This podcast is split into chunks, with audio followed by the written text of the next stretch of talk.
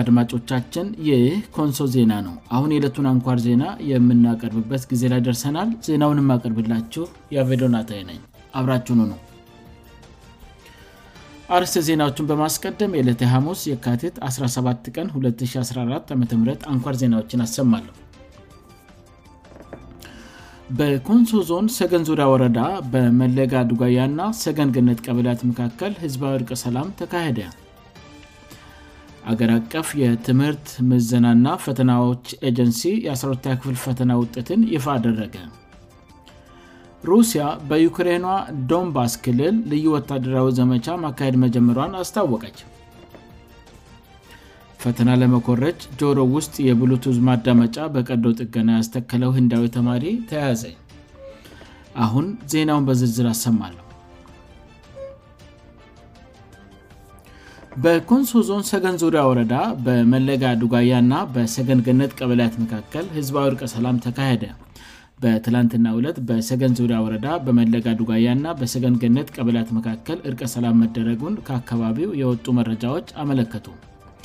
በአካባቢው የሚንቀሳቀሱ ና በወረዳው በተደጋጋሚ የሽብር ጥቃት ሲሰነዝሩ የነበሩ ፅንፈኛ ኃይሎች ለበርካታ ዘመናት ተዋዶእና ተከባብሮ አብሮ የሚኖርን ህዝብ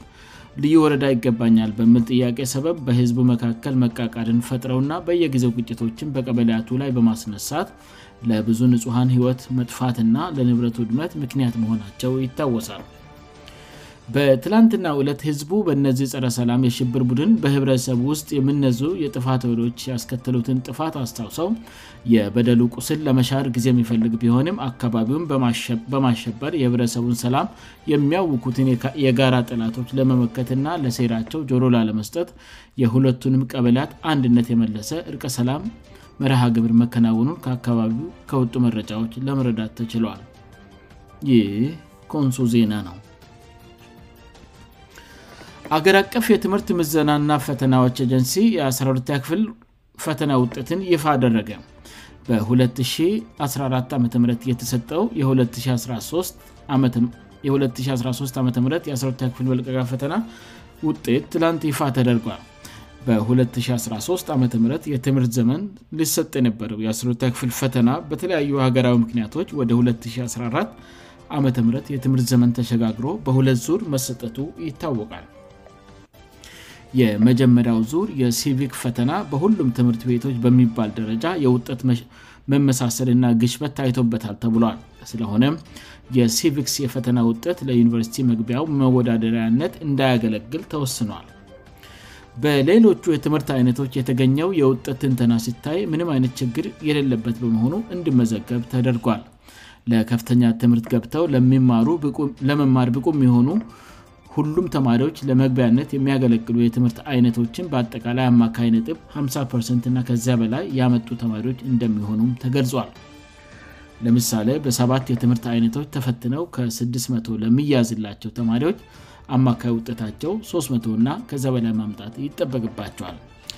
ይህ በንድ እንዳለ በመንግስት ዩኒቨርስቲዎች ገብተው ለሚማሩ ተማሪዎች ዩኒቨርስቲዎችን የመቀበለ አቅም በማገናዘብ ዝርዝር የመግቢያ ነጥብ ወደፊት እንደሚገለጽም ጀንሲው አስታውቋል ተማሪዎች የሚከተሉትን አማራጮች በመጠቀም ውጤታቸውን ማወቅ ይችላሉም ተብሏል አንደኛ በትምህርት ምዘናና ፈተናዎች አገልግሎት ወብሳይት ሪልትስ ንeኤea et ሁኛ በትምህርት ሚኒስቴር ወብሳይት ሪልስ ኤርኔት eዲu et በቴሌግራም ባት አት ሞስ ስቱደንትስ ባት አተኛ በ9444 ስms በመላክ በመልእክት ማስተላለፊያ መጻፊያ ላይ የመለያ ቁጥራቸውን በማስገባት ወደ 9444 በመላክ ውጤታቸውን ማየት ይችላሉ ተብሏል ይህህ ኮንሶ ዜና ነው ሩሲያ በዩክሬኗ ዶንባስ ክልል ልዩ ወታደራዊ ዘመቻ ማካሄድ መጀመሯን ዛሬ ማለዳ ላይ አስታወቀች የሩሲያ ፕሬዝደንት ቪላድሚር ፑቲን በዩክሬኗ ምስራቃዊ ክልል ዶምባስ ልዩ ወታደራዊ ዘመቻ ማስጀመራቸውን ነግረዋል ፕሬዝደንት ፑቲን በቴሌቪዥን መስኮት በሰጡት መግለጫ የወታደራዊ ዘመቻ ዋነኛ ዓላማ ላለፉት ስምንት ዓመታት በኪየቭ በሚገኘው መንግሥት የዘር ጭፍጨፋ ሲፈጸምባቸው የነበሩ ሰዎችን ነፃ ማውጣት ነው ሲሉ አስታውቀዋል በሩሲያ ከሚደገፈው የአማጽያን ቡድን ጋር እየተዋጉ ያሉ የዩክሬን ወታደሮች መሳሪያቸውን አስቀምጠው ወደ ቤታቸው እንድመለሱም ፕሬዝደንቱ አሳስበዋል ሩሲያ ዩክራይንን የመውረድ እቅድ የላትም ያሉት ፕሬዝደንት ፑቲን ሆኖም ግን ሩሲያ ፊት የሚቆም ማንኛውም ሀይል ካለ የሚሰጠው ምላሽ የከፋ ይሆናል ስሉም አስጠንቅቀዋል ምንም እንኳን ሩሲያ ወታደራዊ ዘመቻውን የጀመርኩት በዶንባስ ክልል ነው ብትልም በዩክሬና ዋና ከተማ በኪየቭ ከፍተኛ የፍንዳታ ድምፆች መሰማታቸው ተነግሯል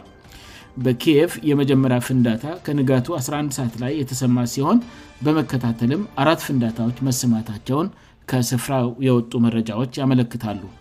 በኪየቭ በሚገኘው አውሮፕላን ማረፊያ አቅራቢያም ከፍተኛ ፍንዳታ እንዳለ የተነገረ ሲሆን የተኩስ ድምፆችም መሰማታቸው ተነግሯል ዩክሬን በበኩሏ ፕሬዝደንት ቪላዲሚር ፑቲን ሙሉ በሙሉ ወረራ መፈጸም ጀምረዋል በማለት ከሳለች የዩክሬን የውጭ ጉዳይ ሚኒስቴር ደሚትሮ ኮሌባ በትዊተር ገጻቸው በሰፈሩ ጽሁፍ በሰላማዊ ዩክሬን ከተማዎች ላይ ጥቃት እየተፈጸመ ነው ብለዋል ዩክሬን ራሷን ትከላከላለች ታሸንፋለች ያሉት የውጭ ጉዳይ ሚኒስቴሩ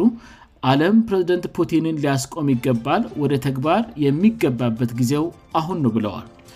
ይህ በእንድ እንዳለ ሩሲያ በዩክሬን ላይ ወታደራዊ ዘመቻ ከጀመረች በኋላ የነዳጅ ዋጋ በበርመል 15ዶር መድረሶ ተሰማ ጭማሪው ባለፈው ሰባት ዓመታት ከተስተዋሉ ጭማሪዎች ጋር ስነጻጸር እጅግ ከፍተኛ ጭማሪ መሆኑንም ነው የተገለጸው እንደ ሮይተርስ ዘገባ ከሆነ በዩክሬን የተፈጠረ ሁኔታ በርካታ የዓለም አክሲዮኖችን አክስሯል እንዲሁም የወርቅ ዋጋ ከፍተኛ ጭማሪ አሳይተዋል የዩክሬን ትርምስ ከነዳጅ ባሻገር ወደ ውጭ በሚላኩ ምርቶች ላይ ከፍተኛ የሆነ መስተጓጎል መፍጠሩንም ብሉምበርግ የተሰኘ የዜና ምንጭ አመልክቷል የሩሲያው ፕሬዝደንት ቪላድሚር ፑቲን በሰጡት አጭር መግለጫ ሊያስቆመን የሚሞክር በሀገራችንና በህዝባችን ላይ ተጨማሪ አደጋ የምጥል ማንኛውም አካል በታሪኩ አይቶት የማያውቀው እጣፈንታ ይገጥመዋል ብለዋል የሩሲያ ምላሽ ፈጣን እንደሚሆን የገለጹት ፕሬዝደንት ቲን የወታደራዊ ዘመቻ አላማ በኬየብ አስተዳደር ለበርካታ ዓመታት ጥቃትና የዘር ማጥፋት ሲፈጽምባቸው የነበሩትን ዜጎች መታደግ ነው ስሉ ተናግረዋል ይህ ኮንሶ ዜና ነው ፈተና ለመኮረጅ ጆሮ ውስጥ የብሉቱዝ ማዳመጫ በቀዶ ጥገና ያስተክለው ህንዳዊ ተማሪ ተያዘ በህንድ ውስጥ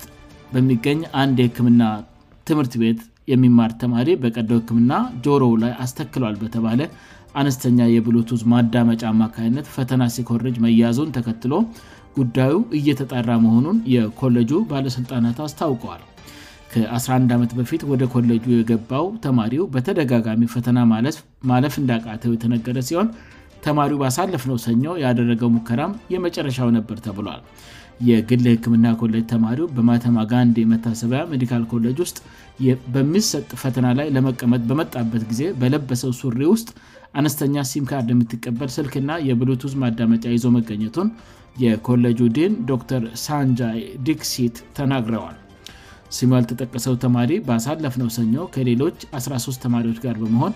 የጀኔራል ሜዲሲን ፈተናን ለመፈተን በተቀመጠበት መያዙንም ዲኑ አስታውቀዋል